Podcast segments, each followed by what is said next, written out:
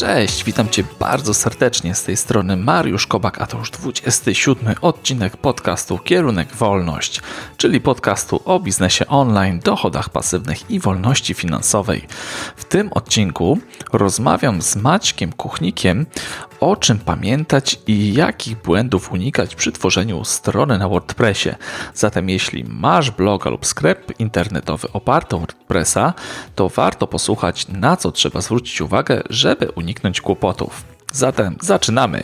Maciek, e, bardzo fajnie, że zgodziłeś się wystąpić w tym live i porozmawiać na temat WordPressa, w zasadzie na temat e, kilku, teraz już więcej niż dziesięciu e, najczęstszych błędów w, WordPressie. Zatem, jeżeli ktoś ma stronę opartą na WordPressie, a myślę, że większość ludzi, którzy prowadzą blogi albo strony, albo nawet sklepy internetowe, mają obecnie strony oparte o, o WordPressa, ten najpopularniejszy system CMS, no to jest szereg elementów, na które trzeba i warto zwrócić uwagę, żeby zobaczyć, czy na pewno nasza strona oparta WordPressa jest, e, jest bezpieczna, jest dobrze zoptymalizowana i czy nie okaże się tak, że za jakiś czas przestanie działać albo wręcz ktoś ją nam przejmie.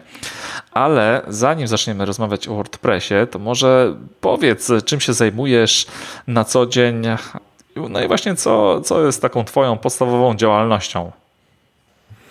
Cześć. Na co dzień zajmuję się WordPressem, tu nie będzie zaskoczenia. I tak od 10 lat miałem tam jakiś drobny epizod z jakimiś innymi systemami i tak dalej, ale e, stwierdziłem, że zostaję tylko przy WordPressie. I na dzień dzisiejszy robię w zasadzie wszystko, co dotyczy WordPressa, czyli od takich prostych stron na jakichś gotowych motywach, przez wtyczki, e, jakieś dedykowane motywy, dedykowane rozwiązania, po sklepy internetowe i kompleksowe wdrożenia od zera po finalny produkt. E, I oprócz tego od niedawna zacząłem też dzielić się swoją wiedzą i doświadczeniem i zacząłem publikować filmy na blogu i na YouTubie takie poradnikowe dotyczące właśnie WordPressa i pracy takiej codziennej z WordPressem. No dobrze, bardzo fajnie. Czyli rozumiem, że można się od ciebie nauczyć e, takiego codziennego korzystania z WordPressa, albo nawet jeżeli ktoś chce stworzyć e, własnego bloga, wystartować z własnym blogiem, no to też znajdzie u ciebie mm, na blogu, u ciebie również na twoim kanale na YouTubie wiele, szereg, e, szereg fajnych wskazówek właśnie dotyczących WordPressa. Dokładnie tak. Te wszystkie wskazówki tematy tak naprawdę biorą się z problemów moich bądź problemów moich klientów, ewentualnie gdzieś tam z problemów, które obserwuję na grupach WordPressowych na Facebooku, e, bo często tam pomagam też ludziom w rozwiązywaniu ich problemów i widzę, że niektóre problemy po prostu cyklicznie jak bumerang powracają i e, powtarzają się. Ok, no to zróbmy tak, że teraz przejdźmy do tych najczęściej występujących problemów z WordPressem. Jakbyś mógł pokrótce opowiedzieć. Ja możliwe, że będę dziś przerywał na chwilę i zadawał jakieś dodatkowe pytania, które przyjdą mi do głowy. Mm, ja też po prostu mam stronę na WordPressie.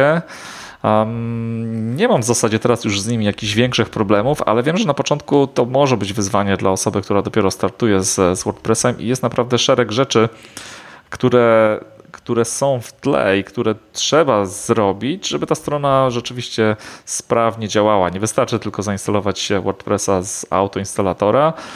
Znaczy można to zrobić i strona będzie działać, ale z czasem mogą się pojawić pewne problemy. Zatem jeżeli mógłbyś e, przybliżyć te 10 albo więcej najczęstszych problemów z, ze stroną na WordPressie, no to byłoby super. To może zacznijmy od pierwszego.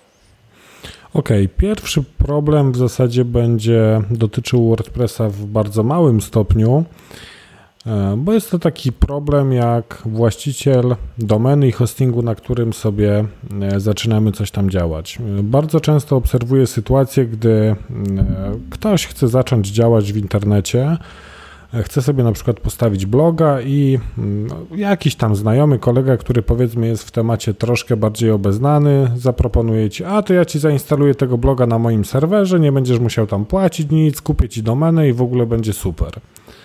No i najczęściej tak jest, że faktycznie ktoś tam, jakiś kolega, znajomy, brat, szwagier i tak dalej, kupuje nam tą domenę, e, umieszcza stronę na swoim serwerze, instaluje nam tego WordPressa, dostajemy dostęp do panelu, no i działamy sobie, piszemy, piszemy i tak dalej. No ale wiadomo, jak to w życiu bywa, czasem albo ktoś, nie wiem, zapomnie opłacić czegoś, e, albo coś tam się wydarzy między nami a tym człowiekiem E, i tracimy dostęp do, do naszych danych, do naszej domeny.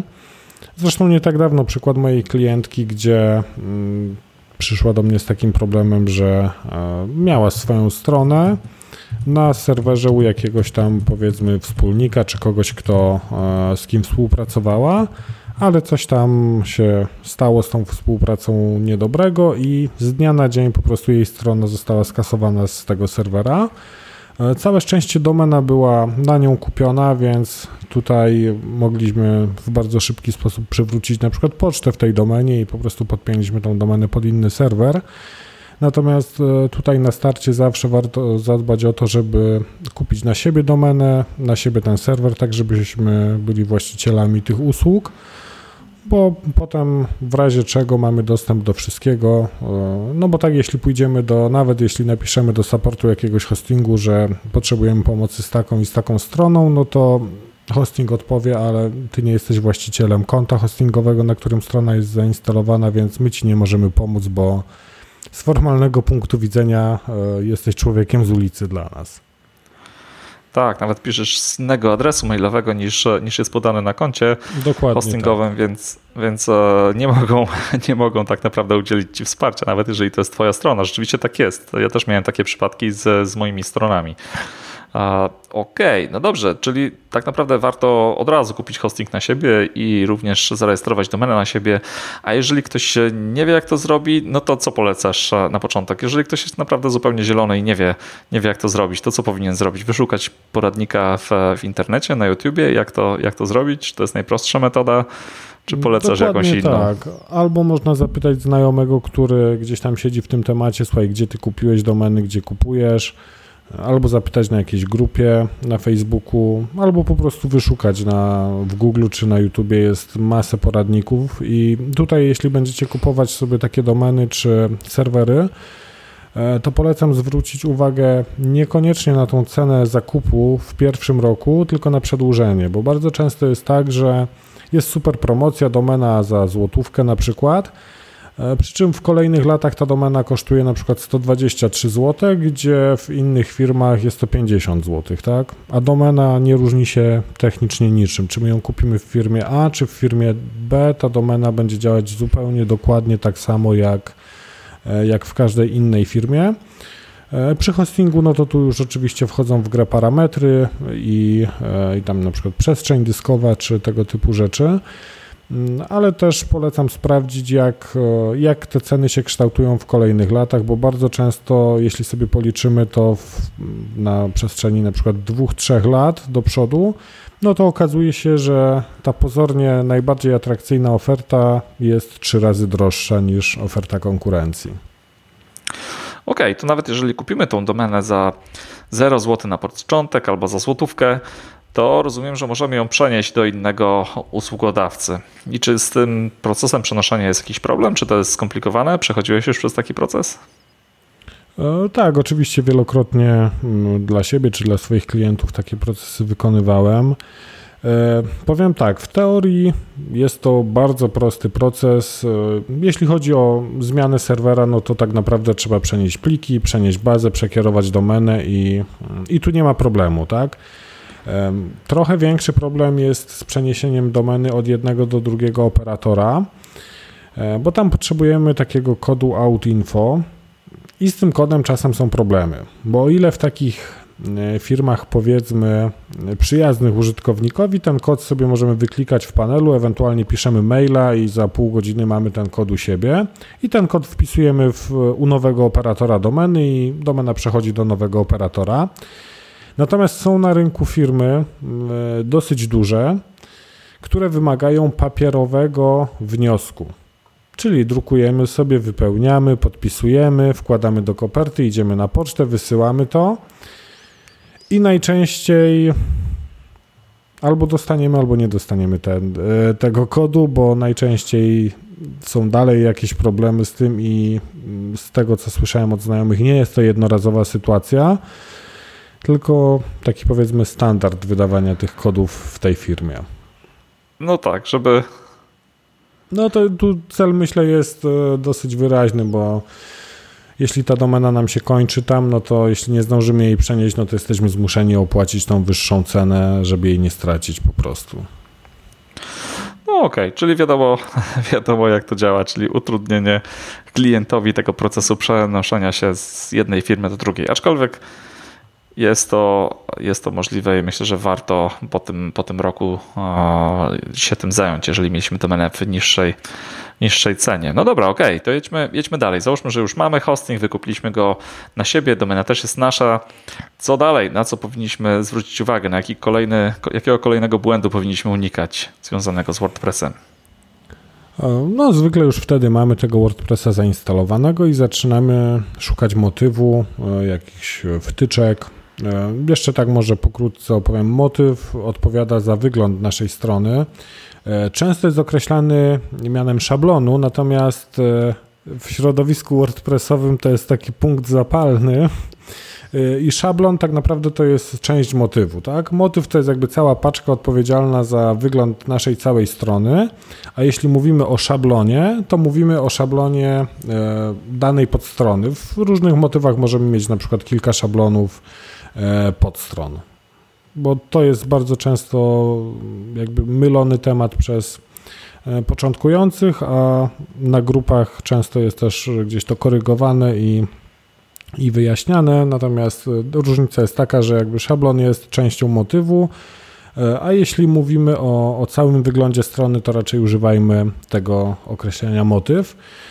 E, no i zaczynamy sobie szukać. Mamy bogaty katalog motywów darmowych. E, mamy też motywy płatne, tak? Takie motywy to jest koszt tam w okolicach powiedzmy 50-60 dolarów. To jest, to jest taki powiedzmy standardowy przedział. No ale są też źródła typu homikuj.pl bądź jakieś inne i tutaj naprawdę nie ma co oszczędzać, bo na 99% w takich motywach udostępnionych właśnie na jakichś stronach typu Homikuj są doklejone jakieś szkodliwe kody, tak? E, o ile jeszcze ten kod będzie na przykład doklejał tylko jakieś linki tego człowieka, który wrzucił taki motyw. Mogą być to linki kierujące do jakichś jego stron, choćby pod kątem pozycjonowania ten e, człowiek ma korzyść taką, że każdy, kto zainstaluje motyw, no to automatycznie dodaje linki do jego stron na swojej stronie. Ale mogą być też e, rzeczy typu jakieś automaty rozsyłające spam i, i tak dalej, więc tutaj zalecam bardzo dużą e, ostrożność, skąd bierzemy takie wtyczki i motywy. E, bezpiecznym miejscem oczywiście jest repozytorium WordPressa, gdzie możemy sobie wyszukać na wordpress.org zarówno motywy, jak i wtyczki. To jest miejsce bezpieczne i, i tam śmiało możemy korzystać. E, a jeśli chodzi o motywy płatne, no to, to polecam po prostu kupić, bo to też nie jest jakiś wielki koszt. Te 50 dolarów, no to, to jest tam w okolicach 200 zł. E, nie wiem nawet po ile dolar jest w tym momencie, ale, ale no mniej więcej to jest ten poziom cenowy i e, raz, że mamy przede wszystkim źródło, źródła w sensie kodu z, z pewnego źródła, E, to oprócz tego jeszcze oczywiście dostajemy aktualizację takiego motywu. A jeśli ściągniemy sobie paczkę z takim motywem czy wtyczką z jakiegoś źródła typu Homikuj, no to automatycznie nie mamy skąd potem zainstalować aktualizacji. Jeśli autor motywu bądź wtyczki wyda aktualizację rozwiązującą jakieś problemy bądź e, aktualizację, która rozszerza możliwości, no to automatycznie odcinamy się od możliwości aktualizowania tego. Tak samo jeśli na przykład y, WordPress jest aktualizowany, no to czasem te motywy wymagają też jakiejś ingerencji w kod i aktualizacji. A kupując taki motyw dostajemy oczywiście takie aktualizacje dożywotnio. Okay, Maciek, czyli, czyli tak, czyli motywy ściągamy ze sprawdzonego źródła, a jeżeli już ściągnęliśmy ten motyw z jakiegoś innego, innego źródła i rzeczywiście tam są jakieś linki, albo nasza strona zaczyna rozsyłać jakiś spam, to czy polecasz jakieś na przykład skanery online'owe, które są nam w stanie zdiagnozować, co takiego złego dzieje się z naszą stroną i są w stanie coś doradzić. Korzystasz z takich narzędzi, czy nie korzystasz? Wiesz co, jeśli chodzi o takie skanery, mm, Sukuri ma bodajże taki skaner na swojej stronie, że wrzucasz tam adres swojej strony i, i zaczynasz ją skanować. Owszem, można sobie to sprawdzić, e, natomiast to nie daje nam żadnej gwarancji. Bo ten złośliwy kod może w ogóle nie mieć objawów żadnych takich widocznych, tak? Jeśli sobie porównamy wizualnie stronę, nigdzie nie będzie linków, w źródłach strony też, jeśli sobie podejrzymy w jakimś inspektorze kodu, te źródła mogą być dokładnie takie same, ale na przykład właśnie może być sytuacja tego typu, że, mm, że będziemy mieli e, z naszego WordPressa zrobioną maszynkę do rozsyłania spamu. Zwykle wtedy hosting reaguje i przysyła nam informację o tym, że coś niedobrego się dzieje, bo nasza strona zaczęła rozsyłać spam. Mm, ale tak naprawdę diagnozowanie czegoś takiego jest bardzo ciężkie, bo nie da się zrobić tego automatem. Nie ma jakiegoś magicznego pro programu, który uruchomimy i on nam pokaże, co jest źle. E, tylko tak naprawdę no, trzeba analizować, co się dzieje, i tu już potrzeba naprawdę dużego doświadczenia, żeby, e, żeby wiedzieć, jak to zrobić. No dobra, ok.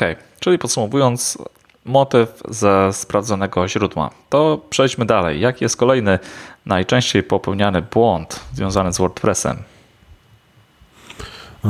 Te motywy często mają mm, tak zwany demo content, czyli po zainstalowaniu takiego motywu możemy sobie albo zaimportować plik do WordPressa, albo nawet w panelu kliknąć jeden przycisk importuj e, demo content Demo content to, jest, e, to są te treści, które widzimy zwykle przed zakupem. Jeśli przeglądamy sobie motywy, no to widzimy jakieś strony przygotowane na tym motywie jako takie przykładowe strony prezentujące możliwości tego motywu.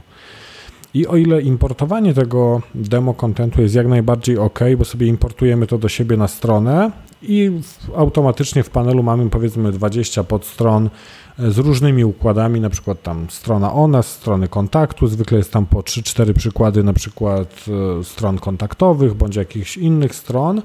I tutaj jak najbardziej ok, ta, ta treść, która jest już wypełniona, przyspiesza nam bardzo pracę, ale największy grzech, który jest popełniany, to po prostu zostawienie tego kontentu publicznego potem. I w efekcie dochodzi do sytuacji takiej, że na przykład E, masz bloga, nie wiem, o finansach, a w Google Twoja domena ma zaindeksowanych ileś tam podstron, załóżmy, nie wiem, o wystroju wnętrz z angielskimi tekstami, z jakimiś przykładowymi zdjęciami. Czyli jeśli sobie wyedytujemy te przykładowe podstrony i dostosujemy do siebie, to wszystkie zbędne podstrony, musimy zadbać o to, żeby te wszystkie zbędne podstrony były albo usunięte całkowicie z naszego WordPressa, ewentualnie jeśli chcemy sobie je zostawić, bo w przyszłości planujemy rozbudowę strony, to ustawiamy status na szkic na przykład. Dzięki temu te strony nie będą publicznie dostępne. I to samo jeśli chodzi o wpisy blogowe, bo często jest tak, że jeśli na przykład budujemy sobie stronę, która nie ma bloga, no to nie zaglądamy w ogóle do tej zakładki wpisy, a potem się okazuje, że tam jest na przykład 20 wpisów z jakimś lorem ipsum albo czymś takim i te treści są indeksowane przez Google'a e, i potem tak naprawdę no, pokazują się śmieci w wynikach wyszukiwania. Więc tutaj jeśli zaimportujemy sobie taki content, zbudujemy to, co potrzebujemy, to potem zadbajmy o to, żeby te wszystkie rzeczy, które są zbędne, były niepubliczne, czyli albo je wyrzucamy, albo jeśli chcemy je sobie zostawić, to zmieniamy im status na przykład na szkic. Wtedy one będą dostępne w panelu, będziemy mogli sobie je podejrzeć, ale nie będą dostępne dla mm, robotów wyszukiwarek bądź dla internautów przeglądających naszą stronę. Albo można zablokować roboty indeksujące w kodzie strony na ten czas, kiedy budujemy stronę. E, a tak, potem je odblokować. Jest, tak, dokładnie. To też jest e, całkiem dobre wyjście. Także mamy taką opcję w panelu, że nie indeksuj tej witryny i to jak najbardziej też jest polecane, szczególnie jeśli tworzymy sobie na jakimś takim testowym adresie tą stronę i potem będziemy ją przenosić dopiero. No dobra, super. Maciek, no to co jeszcze? Jaki kolejny błąd masz tutaj dla nas?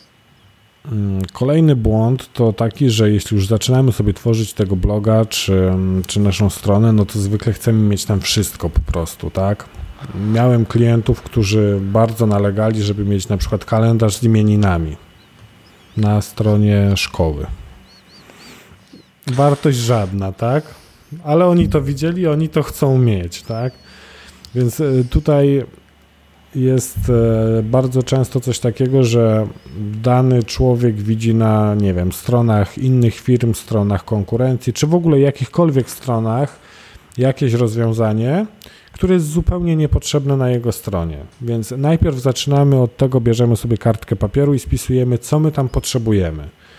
I dopiero w oparciu o to budujemy sobie stronę a nie na zasadzie, że widzimy fajne rozwiązanie na stronie kogoś innego i kombinujemy, jakby tu takie rozwiązanie zaimplementować u siebie, tak? Często to są na przykład jakieś takie liczniki tam na zasadzie obsłużyliśmy x klientów, wypiliśmy x filiżanek kawy i w ogóle i one tam tak super się kręcą i jest, jest fajnie. Zresztą nie tak dawno Paweł Tkaczyk w, chyba w podcaście z Markiem Jankowskim albo, albo gdzieś w jakiejś innej rozmowie, ale słyszałem to dosłownie tydzień albo dwa tygodnie temu, powiedział takie E, takie słowa mniej więcej, że e, na stronie musi być tylko to, co musi. Jeśli zastanawiasz się, czy ten element jest konieczny, to znaczy, że on nie jest konieczny i powinien wylecieć z Twojej strony. Więc tutaj bardzo zwracam uwagę na to, żeby zawsze zaczynać od potrzeb, a potem dopiero szukać rozwiązań, a nie naginać swoich potrzeb do tego, co na przykład e, fajnego ma dany motyw w sobie. Dokładnie, ja też się zgadzam z tym, e, z tym, co powiedziałeś. Lepiej jest mieć e, mniej elementów na stronie, które rozpraszają uwagę, niż, e, no, niż więcej takich niepotrzebnych rzeczy, bo jeżeli ktoś wchodzi na naszą stronę i na przykład wchodzi z wyszukiwarki, no to on szuka konkretnej informacji. Nie interesuje go kalendarz imienin, jeżeli szuka informacji o, o tej konkretnej szkole.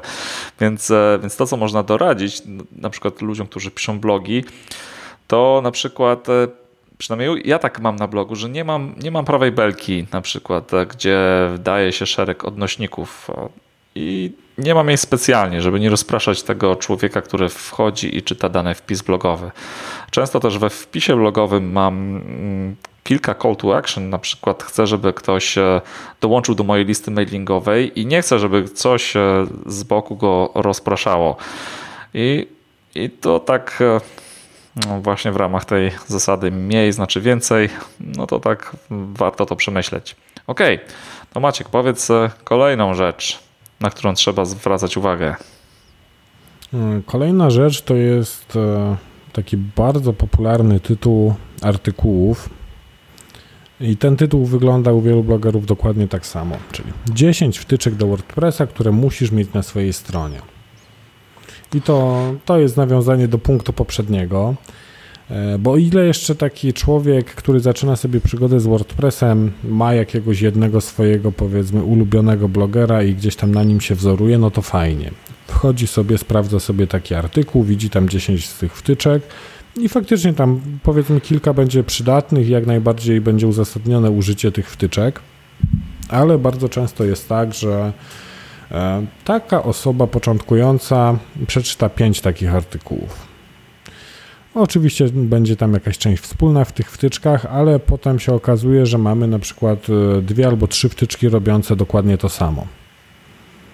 Przykładowo, ktoś ma wtyczkę do, w jednym artykule ktoś przeczytał, że mm, zainstaluj sobie taką i taką wtyczkę, ona ci wygeneruje sitemapę dla Google'a.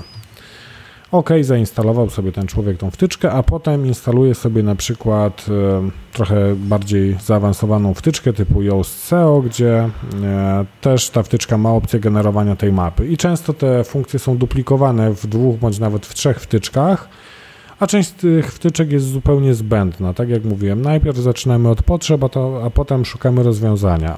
To, że ktoś opublikował wpis pod tytułem 10 wtyczek, które musisz mieć na blogu, no to podchodzimy do tego e, z dystansem i zastanawiamy się, czy faktycznie nam ta wtyczka jest potrzebna i zwracamy uwagę na to, żeby też nie duplikować e, funkcji, jakie dają nam poszczególne wtyczki. Okej, okay. no co ciekawe, ja też na swoim blogu mam podobny wpis, który powstał e, chyba w 2017 roku. I no, rzeczywiście tak jest, że no, chociaż tam pisałem, że im mniej wtyczek, tym, tym lepiej, tak, chociaż to pisałem w innym, w innym wpisie o optymalizacji e, bloga. Także, także tak, to rzeczywiście racja. Im mniej wtyczek, e, tym, tym lepiej tak naprawdę mm, dla bloga. Okej, okay, no, no, to. Tutaj też e, jeszcze, jeśli nawiązałeś do tego, mm, do tego im mniej, tym lepiej. Szczerze mówiąc, też nie do końca się z tym zgadzam. Dlaczego? Bo czasem jest tak, że ta liczba wtyczek tak naprawdę nie mówi nam o niczym. Bo to jest po prostu jakiś tam kod, który pracuje na naszej stronie. I czasem lepiej zainstalować trzy małe wtyczki, które robią trzy rzeczy, niż zainstalować jeden wielki kombine, który robi te trzy rzeczy, plus jeszcze 10 innych, tak? Więc y, tutaj też trzeba podchodzić tak zdroworozsądkowo do tego. Oczywiście wiadomo, że nie instalujemy tych wtyczek nie wiadomo ile i, y, i nie instalujemy wtyczek, które nam są zbędne, ale też nie upieramy się przy takim restrykcyjnym im mniej, tym lepiej, bo często na przykład e, jest problem tego typu, że ktoś mówi, a ja sobie na przykład nie zainstaluję wtyczki do kodów trackingowych, bo ja sobie przecież ten kod trackingowy mogę wkleić w pliku motywu, tak? I o ile jeszcze zrobi to w motywie mhm. potomnym i tak jak trzeba to zrobić, no to pół biedy, tak? Ale jeśli go wklei, potem zaktualizuje motyw i potem się okazuje, że na przykład po miesiącu ktoś się budzi, że hello, nie mam statystyk z ostatniego miesiąca, co się stało? A no to się stało, że motyw został nadpisany i ten kod wyleciał. A instalując prostą wtyczkę robiącą tylko to, dajemy sobie możliwość po prostu wklejenia tych kodów i ta wtyczka umieszcza je za nas, nie musimy o niczym pamiętać. No okej, okay. no jest to rzeczywiście, rzeczywiście fajna uwaga. A te kombajny, masz na myśli jakieś konkretne wtyczki, które są takimi kombajnami, a w zasadzie mają tyle funkcjonalności, że przeciętny użytkownik WordPressa korzysta tylko z ich niewielkiej części. Więc masz na myśli jakieś konkretne wtyczki, które. No, wiesz co, tutaj Tutaj nie, raczej nie będę mówił o konkretnych wtyczkach, bo w tematach WordPressowych mm, bardzo często pada ulubiona odpowiedź prawników, czyli to zależy. Więc tutaj wszystko zależy od kontekstu, w jakim chcemy użyć danej wtyczki, co mamy na stronie, jakie mamy cele, jakie mamy potrzeby, więc e, wtyczka, która u jednego może być kombajnem, na drugiej stronie może być e, odpowiednia, więc tutaj raczej, raczej nie będę dawał konkretnych rekomendacji, no bo ile blogów, ile ludzi, tyle potrzeb. Tak, dokładnie. Bo ja tę zasadę mniej tym lepiej rozumiem w ten sposób, że no WordPress to jest e, kod open source'owy, czyli po prostu może wiele ludzi w różnych standardach pisać, e, pisać wtyczki i niektóre będą działały sprawnie, niektóre, niektóre będą działały trochę gorzej, niektóre będą bardziej bezpieczne, inne mniej bezpieczne, więc e, tak naprawdę, żeby nie spowalniać naszego bloga albo że, zrobić, żeby był bezpieczniejszy, no to wtedy rzeczywiście warto jest mieć mniej kodu na swojej stronie, szczególnie gdy te wtyczki nie są przez długi czas aktualizowane przez przez ich autorów, no to tutaj wystawiamy się na jakiegoś rodzaju niebezpieczeństwo z czasem. Dokładnie tak. Też jeśli stosujemy jakieś wtyczki, to warto gdzieś tam poczytać trochę i, i zasięgnąć opinii. E, ostatnio nagrałem taki film, jak e, prawidłowo zainstalować certyfikat SSL na e, swoim WordPressie. E, a sprowokowało mnie do tego w zasadzie to, że bardzo często była polecana wtyczka e, Really Simple SSL. Mm, tą wtyczkę odradzam, tutaj mogę od razu powiedzieć. E, bo ta Dlaczego? z bardzo prostego powodu. To, co powinno być zrobione raz, w bazie danych. Tam chodzi o zamianę adresów z HTTP na HTTPS. Tak? Jeśli mamy stronę bez certyfikatu SSL i chcemy sobie taki certyfikat zainstalować, no to ta wtyczka przy każdym odświeżeniu strony podmienia nam te adresy, można powiedzieć, w locie, co jest e, bardzo nieoptymalne.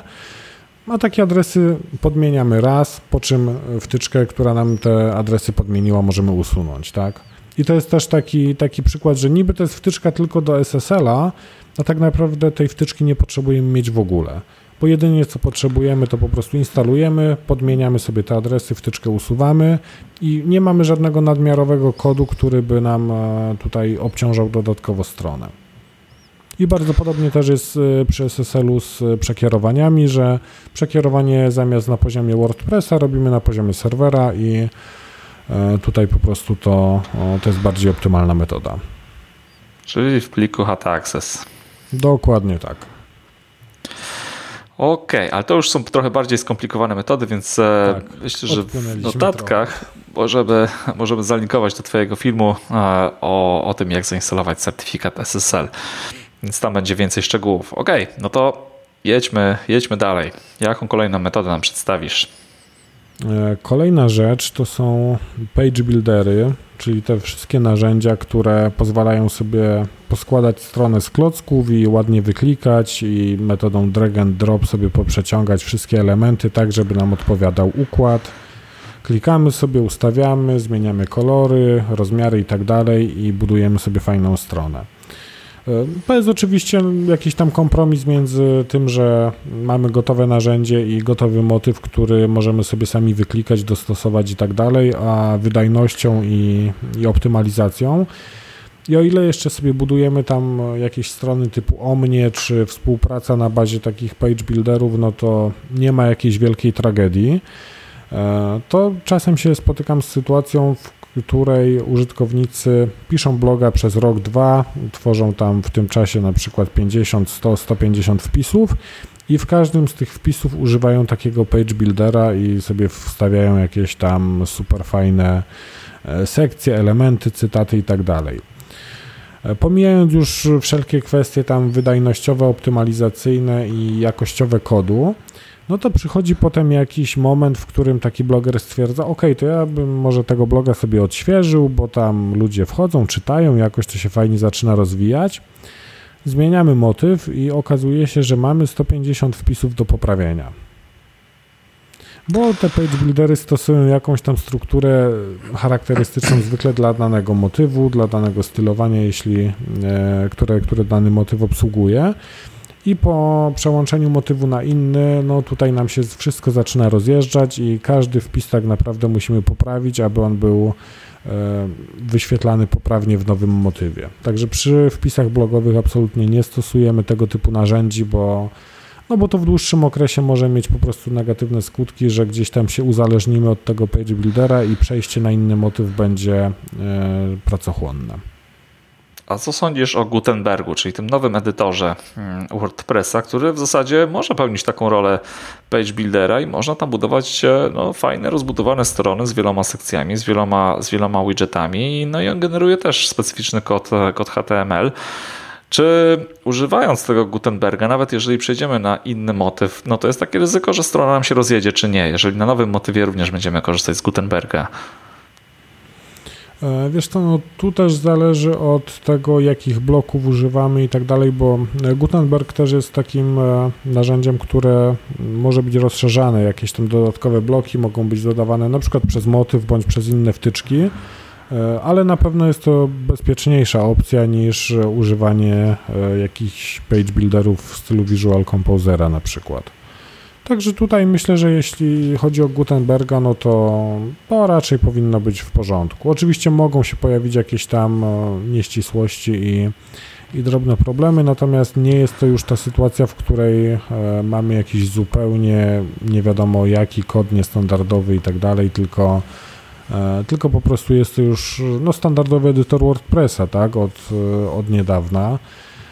Przez jednych uwielbiany, przez innych krytykowany tak naprawdę jak to wszystko będzie i w którym kierunku e, to pójdzie, no to podejrzewam, że czas pokaże najlepiej.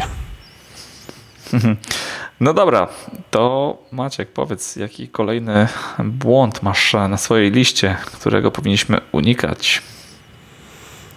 E, bardzo często się spotykam też z tym, że mm, jak już ktoś tam sobie coś więcej zacznie w tym WordPressie robić, już nauczy się, mm, no to czasem przychodzi potrzeba zmiany jakiegoś elementu i często e, padają pytania, jak zmienić ten czy ten element na stronie. No to tam załóżmy, taki człowiek dostaje radę, a zmień sobie tam w pliku header PHP to czy to i, i będzie fajnie. Tylko tak, teraz e, modyfikując na przykład e, motyw, źródła motywu, e, automatycznie przy aktualizacji tego motywu stracimy wszystkie zmiany. Przy modyfikowaniu motywu mamy coś takiego jak motywy potomne, gdzie po prostu tworzymy sobie taki motyw potomny i tam umieszczamy tylko wybrane zmiany, które, e, które będą dotyczyły tych plików, które chcemy zmodyfikować i potem możemy bez obaw zaktualizować ten motyw bazowy i, i po prostu te zmiany nam e, się nie nadpiszą. Oczywiście tam mogą się pojawić w pewnym momencie jakieś problemy z e, tym, że, że będą jakieś tam nieścisłości w tym motywie, ale no, to już też zależy od konkretnego motywu. Natomiast jeśli chcemy wprowadzić jakieś modyfikacje czy jakiś dodatkowy kod do motywu, który będzie wykonywał jakieś tam określone działania, to zawsze używamy do tego motywu potomnego. Ewentualnie, jeśli chcemy sobie zrobić jakieś drobne poprawki CSS-owe, no to możemy użyć e, mm, narzędzia w e, panelu WordPressa w wygląd i tam e, wyleciało mi z głowy, jak ono się teraz nazywa. W każdym razie tam możemy dodać kilka linijek CSS-a, które wpłyną jakoś na, na wygląd naszej strony.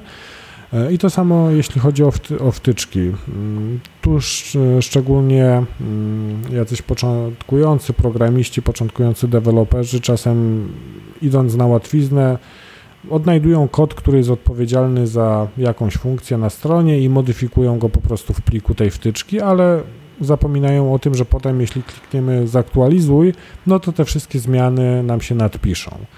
E, a absolutnie już nigdy, przenigdy nie ruszamy plików WordPressa, nie modyfikujemy go.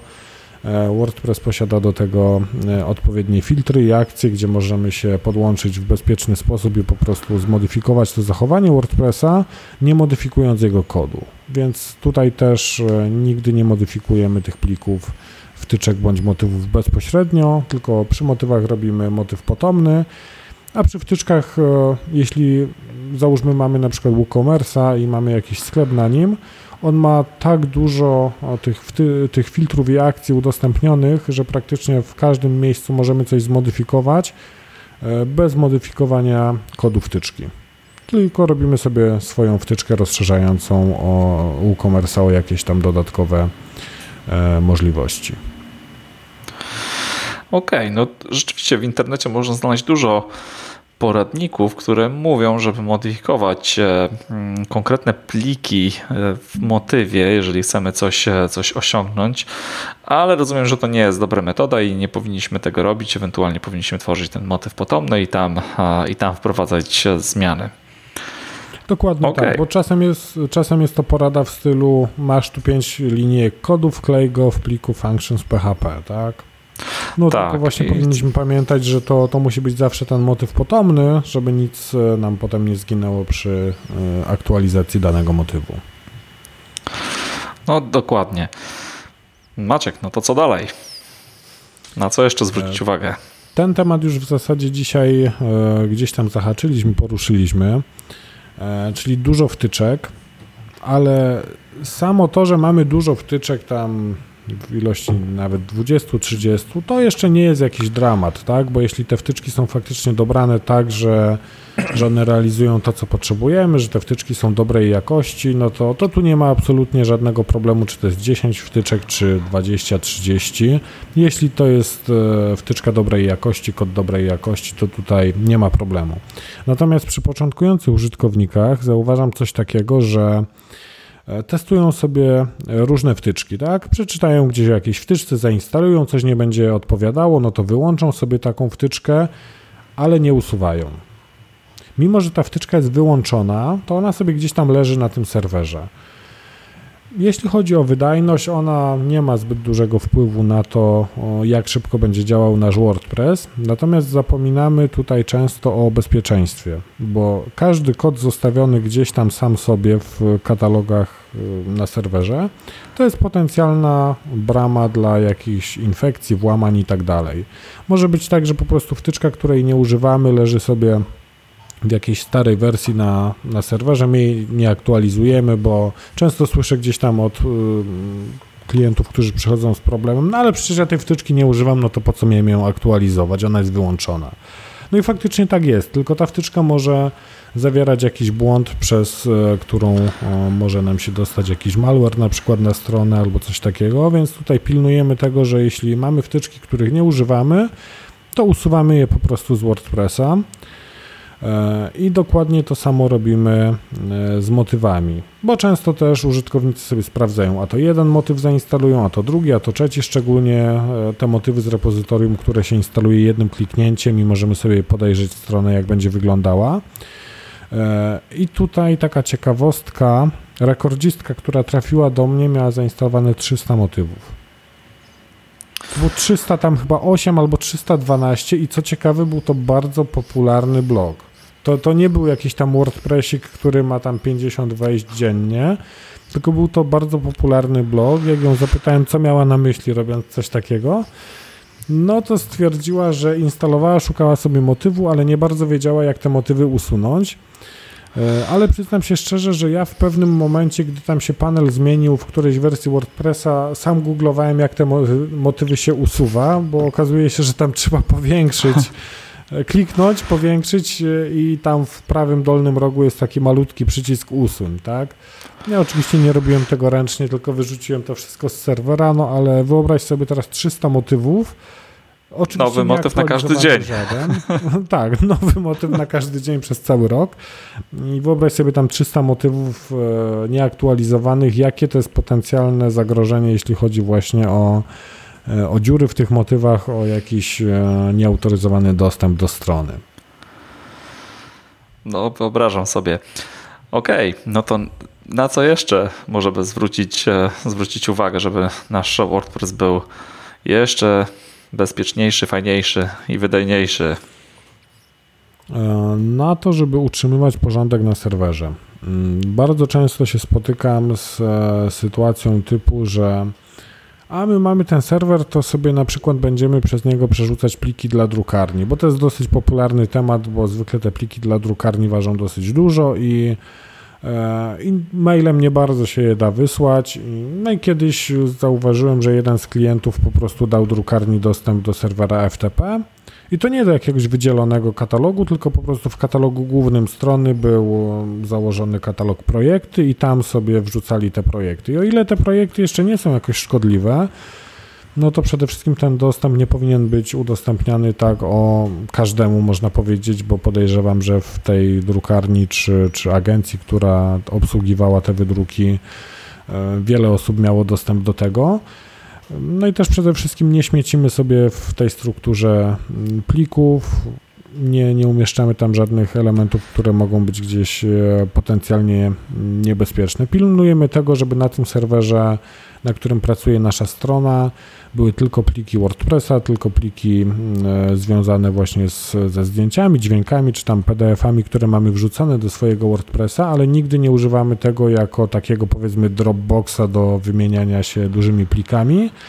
E, I to, co jeszcze tutaj warto powiedzieć, to mm, warto zadbać o to, aby e, strony, jeśli mamy na przykład sytuację taką, że mamy jeden hosting, jeden serwer i mamy na nim dwie, trzy strony, to żeby te strony miały włączoną separację.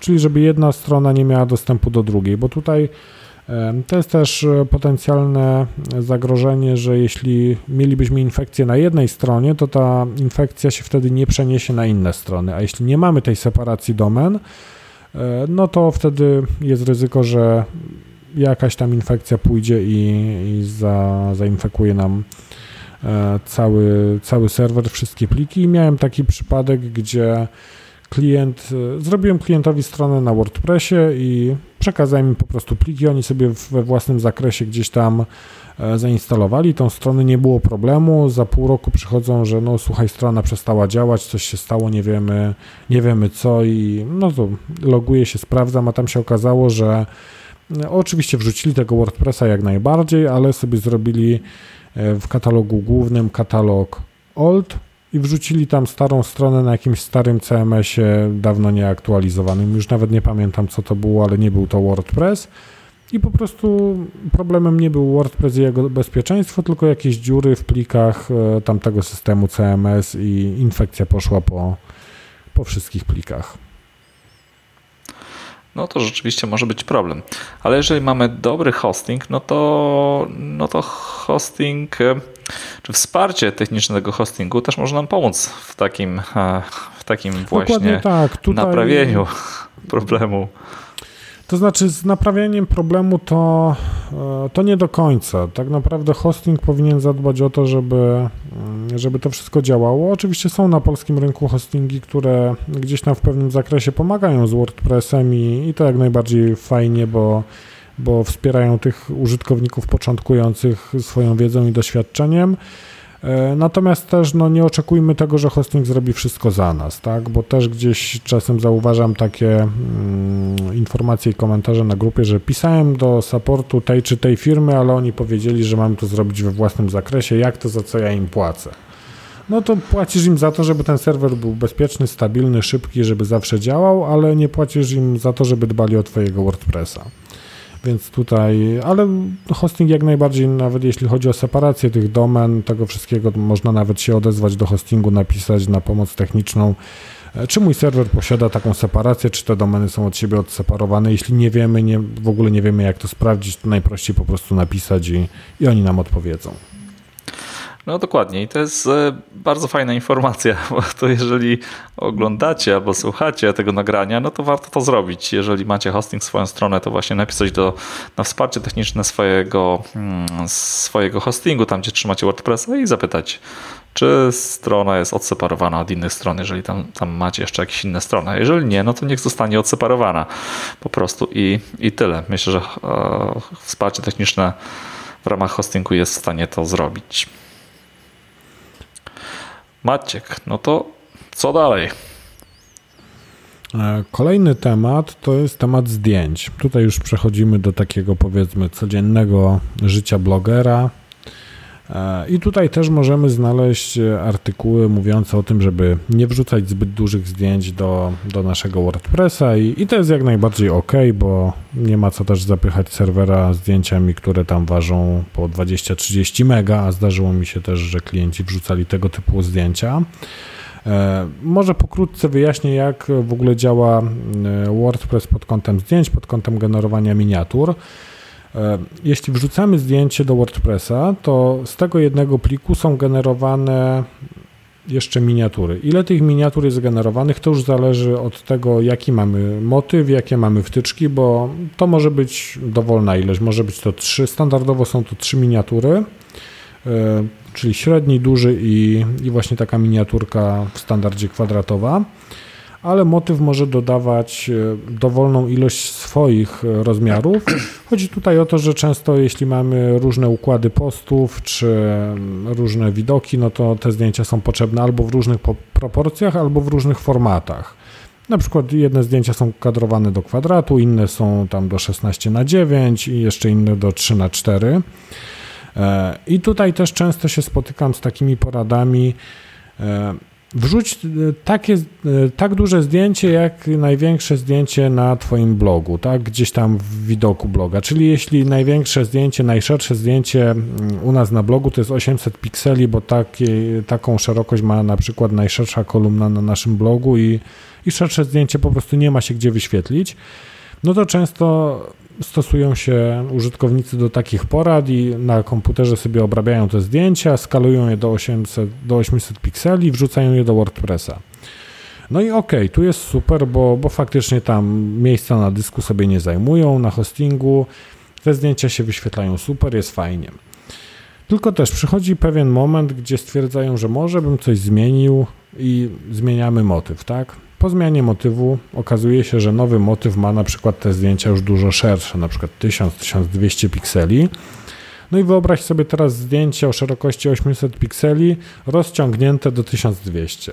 No wiadomo, że będziemy mieli widoczne piksele i będzie to strasznie kiepsko wyglądało. E, to, co ja gdzieś tam rekomenduję, to jest około 2000 pikseli. E, I mniej więcej od, zdjęcia o takiej szerokości można mm, śmiało wrzucać, bo te zdjęcia, które będą wyświetlane w e, motywie w jakichś tam różnych e, układach, czy to na liście postów, czy na przykład w jakimś nagłówku na widoku danego wpisu, no to tam będzie wyświetlone z reguły, jeśli mamy dobrze, dobry motyw, dobrze napisany, to tam będzie wyświetlone już takie, takie zdjęcie w formacie pomniejszonym, więc to, czy my wrzucimy to zdjęcie 2 czy 3 tysiące pikseli, tak naprawdę nie powinno mieć znaczenia, bo WordPress wygeneruje takie miniaturki, jakie mu są potrzebne do, mm, do danego motywu, do danego miejsca w motywie, a jednocześnie wrzucając to zdjęcie o szerokości tych 2000 pikseli zapewniamy sobie to, że po zmianie motywu możemy sobie uruchomić taką procedurę generowania miniaturek na nowo pod potrzeby nowego motywu i te pliki, które zostaną wygenerowane będą wyglądały e, bardzo dobrze.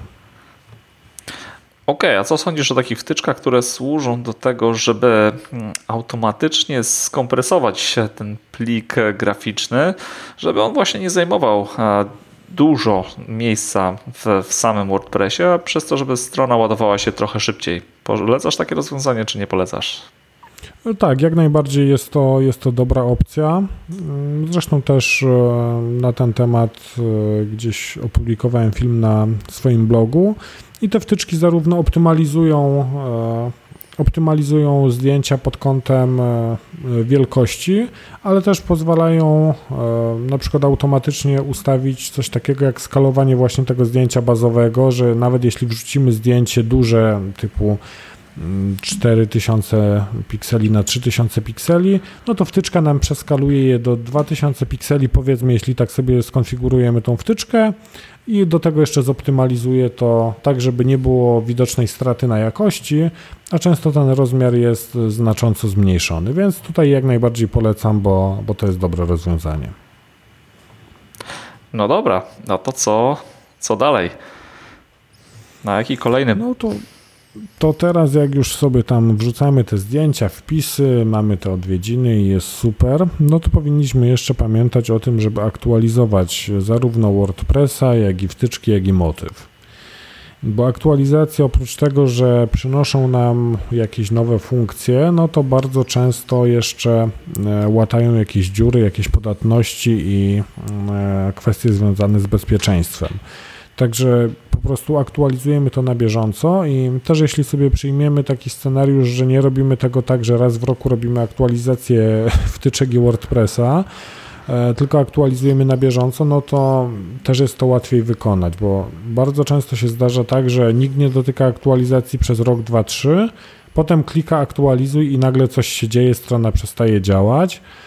E, I jest e, trudniejsza sprawa, jeśli chodzi o zdiagnozowanie tego problemu.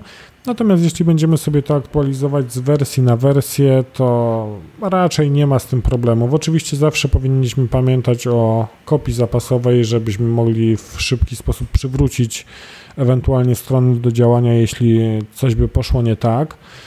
E, tutaj, jeśli chodzi o takie strony, powiedzmy standardowe, gdzie nie jest to jakaś duża, rozbudowana strona z e, jakimiś bardzo złożonymi mechanizmami, to przez te 10 lat może mi się zdarzyło z 3, może z 5 razy, że coś się wysypało po aktualizacji, tak żeby na przykład strona nam zniknęła, był biały ekran i nie dało się nic na niej zrobić.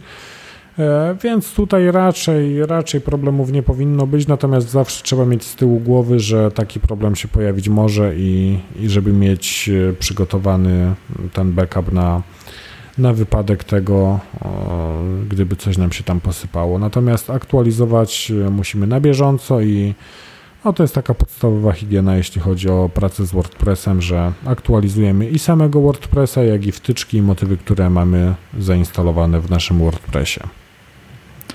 No dokładnie, też się, też się z tym zgadzam. Powiedziałeś trochę o backupach, o kopiach zapasowych. No i hosting e, generalnie e, tworzy takie backupy, tworzy ich nawet kilka e, w ciągu doby, jeżeli to jest dobry hosting, ale są też rozwiązania w postaci wtyczek, które tworzą takie backupy. Czy ty polecasz takie rozwiązania? Te, te backupy mogą być nawet wysyłane do chmury automatycznie, żeby mieć jeszcze jedną kopię zapasową niezależnie od hostingu. Czy ty korzystasz z takiego właśnie scenariusza, czy nie? E, wiesz co, to jest też dosyć kontrowersyjny temat i mm, tutaj mam zdanie takie, że te wtyczki nie powinny być używane. Bo ile jeśli mamy jeszcze jakiegoś małego bloga, małą stronę i tak dalej, no to, to ok, te wtyczki sobie radzą. Natomiast e, problem jest trochę w tym, że aplikacja backupuje sama siebie, tak? Ten backup jest e, uruchamiany i tworzony na tym samym poziomie, na którym pracuje ta aplikacja. Więc tutaj tak naprawdę może się wydarzyć coś, co jaki, po prostu jakiś mały błąd w WordPressie może mm, wywalić nam działanie takiej wtyczki do backupów.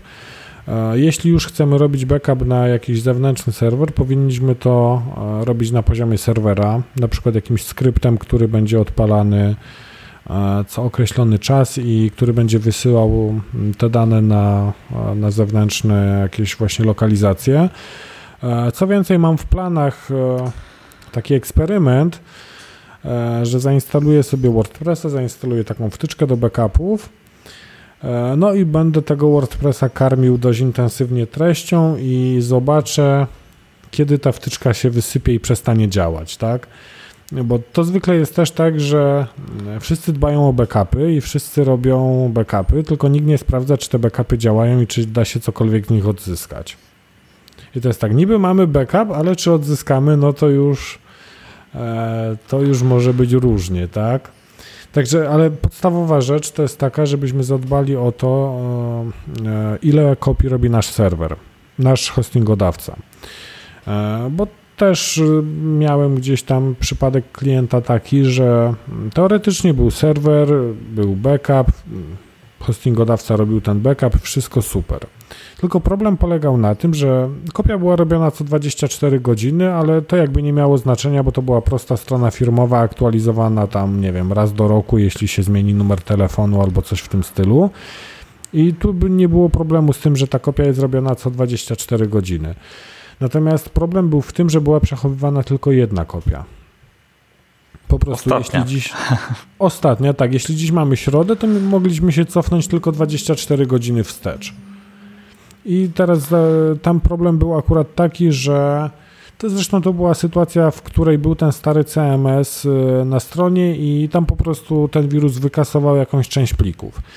Klient zauważył to po dwóch czy trzech dniach i mieliśmy kopię, która miała zepsute pliki. Jedną, jedyną.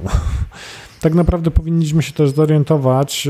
E, tutaj to albo można doczytać gdzieś tam na stronach e, z ofertą danego hostingu, danego pakietu, który mamy, albo możemy po prostu wysłać maila do pomocy technicznej naszego hostingu i zapytać e, po pierwsze, jak często są robione kopie i ile dni wstecz możemy takie kopie odzyskać, bo, bo to jest nawet ważniejsze niż to, jak często są robione te kopie. Ile dni wstecz możemy się cofnąć i odzyskać taki backup.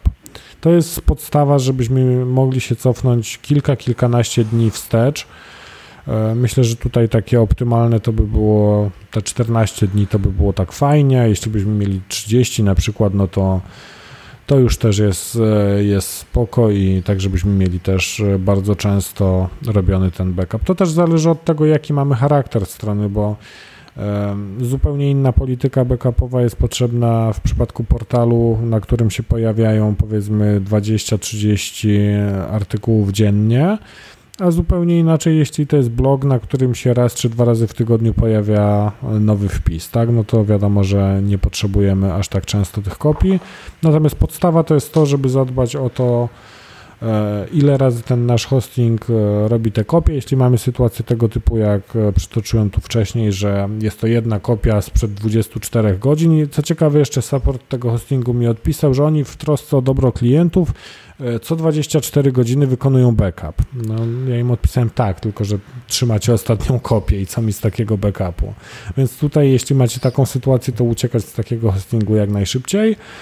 No, a dodatkowo można zastosować jakieś dodatkowe mechanizmy backupujące, tylko tak jak mówię, raczej na poziomie serwera, bo szczerze mówiąc nie mam zaufania do tych wtyczek backupujących.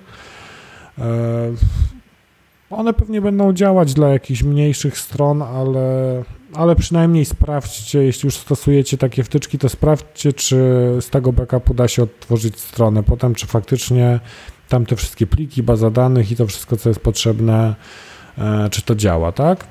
E, dobrą praktyką jest też coś takiego, jeśli macie na przykład stronę wykonaną przez kogoś na WordPressie i jest to strona firmowa, taka wizytówkowa, to zadbać o to, żeby po wykonaniu, oprócz tego, że wykonawca umieści stronę na takim serwerze, waszym, czy wykupionym wcześniej, czy specjalnie wykupionym gdzieś tam na potrzeby tej strony, żeby mieć te pliki zabezpieczone gdzieś u siebie na dysku w razie, gdyby coś niedobrego się stało, na przykład z hostingiem i mm, te pliki zostały bezpowrotnie stracone, no to żebyśmy mogli szybko odzyskać tą stronę i postawić ją na przykład na innym serwerze. No dokładnie. Maciek, powiedziałeś już o wielu rzeczach, na które trzeba zwrócić e, uwagę w naszym WordPressie, no ale zastanawiam się, czy jest e, jeszcze coś, czy masz jeszcze coś na swojej liście, co jest takim błędem, z którym się spotykasz i który warto by mm, rozwiązać albo unikać go. E, wiesz co, takich błędów pewnie jeszcze bym gdzieś tam sporo znalazł przez te 10 lat, natomiast to już nie chodzi o to, żeby wyszukiwać je mm, na siłę. Nie, chodzi Ale o jakieś jest... takie poważne rzeczy, najczęściej występujące. Tak. Jest jeszcze jedna taka rzecz, na którą naprawdę mało kto zwraca uwagę i to nawet nie dotyczy e, też tylko początkujących użytkowników, E, bo bardzo często powiedziałbym, że nawet poważnych firm e, to jest to, że dane do strony, do serwera są rozdawane na lewo i prawo. To jest najczęściej sytuacja typu cześć, mam problem z tym i tym, potrzebuję coś tam, coś tam zrobić. Post na grupie, tak? A potem ktoś tam pisze, daj dane do panelu, ja ci to ogarnę. No i taki człowiek dostaje te dane, okej, okay, no pewnie nie ma złych intencji, pomoże i tak dalej, tylko rzadko ktoś potem zmienia te dane i, i dane gdzieś tam udostępnione komuś raz, to są działające dane dostępowe przez y, często wiele lat nawet. E, I tak samo jeśli zlecamy coś komuś, no to zadbajmy o to, że dajmy na przykład dostęp do serwera FTP na taki okres, jaki mm, dany człowiek potrzebuje. Tak, jeśli ktoś nam coś tam robi, instaluje, no to wiadomo, że musi mieć dostęp do tego i musimy mu umożliwić tą pracę.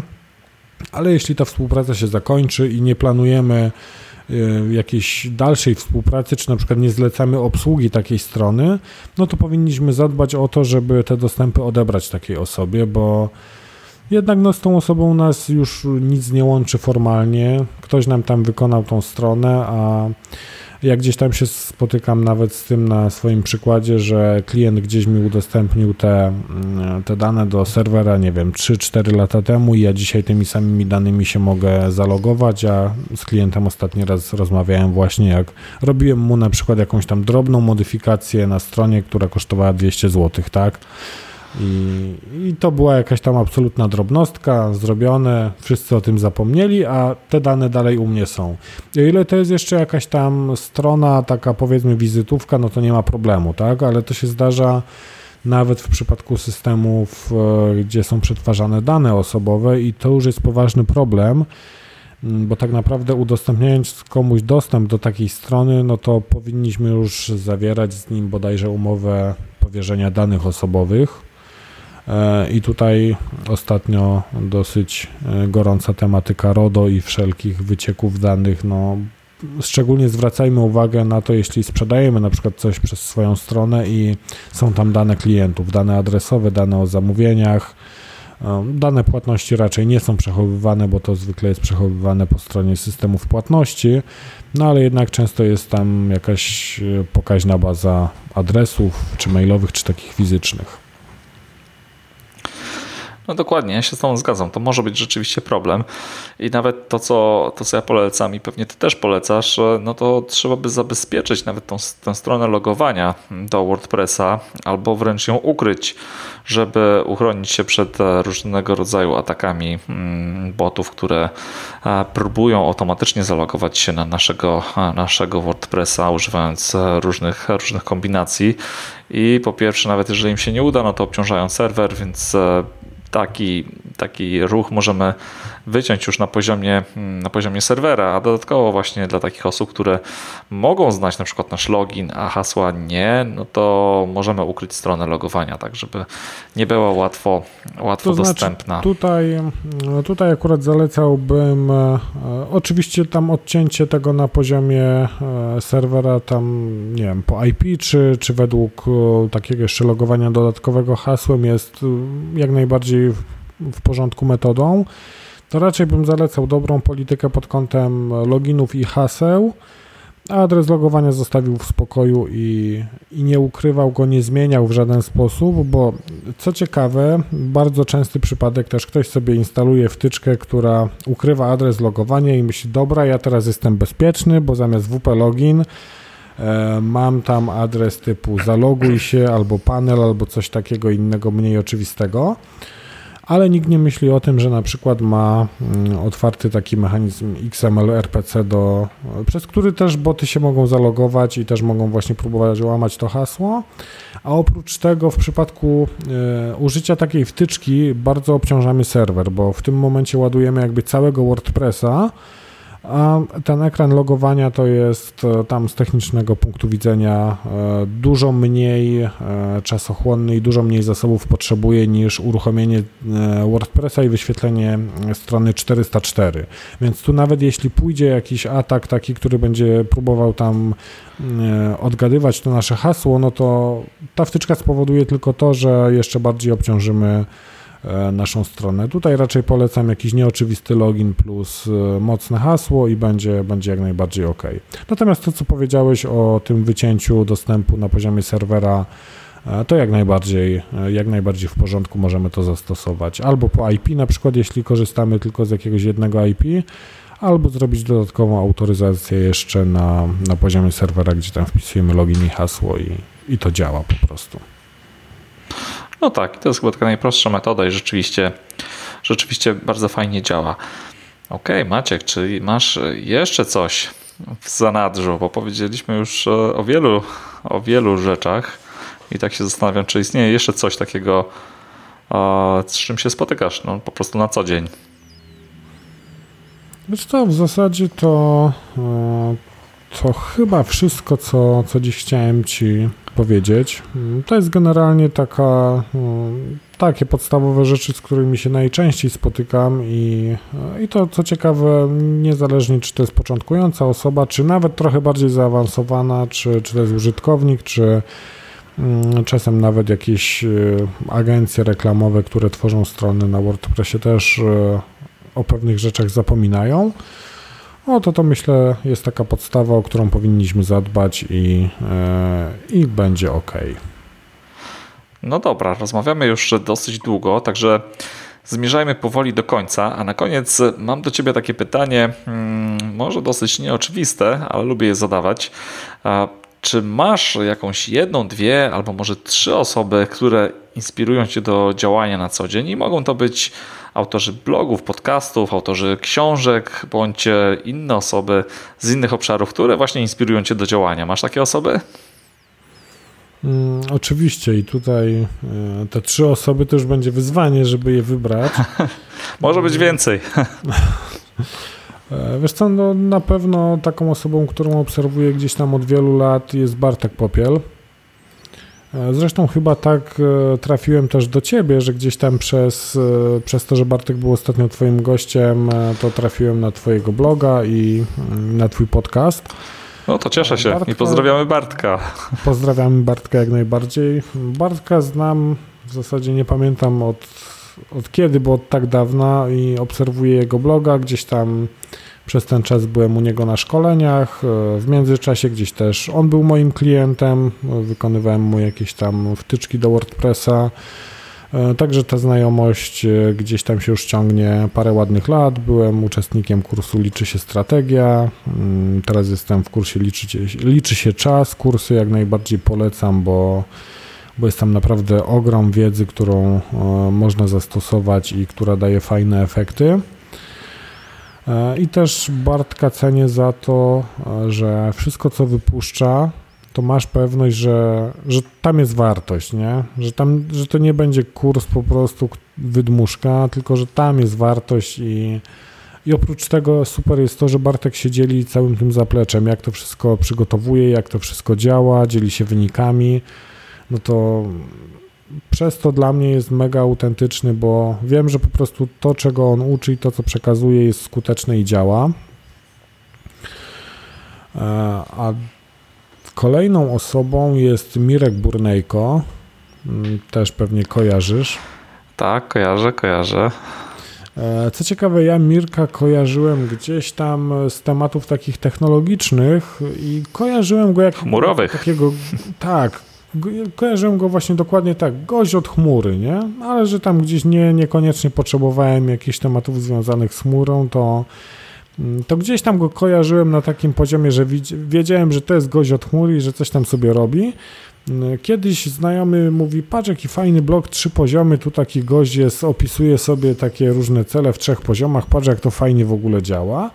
I gdzieś tam zacząłem bardziej się tym Mirkiem interesować, teraz śledzę go regularnie, super vlogi nagrywa i, e, i też w ogóle daje mega dużo wiedzy e, za darmo na, na swoich webinarach i, i też po prostu dzieli się tymi efektami, wynikami, więc e, to, co, co wiesz, że to, co on mówi, jest po prostu prawdą, że to działa, a nie jest to jakaś tam marketingowa papka. E, I trzecią taką osobą jest e, Michał Szafrański.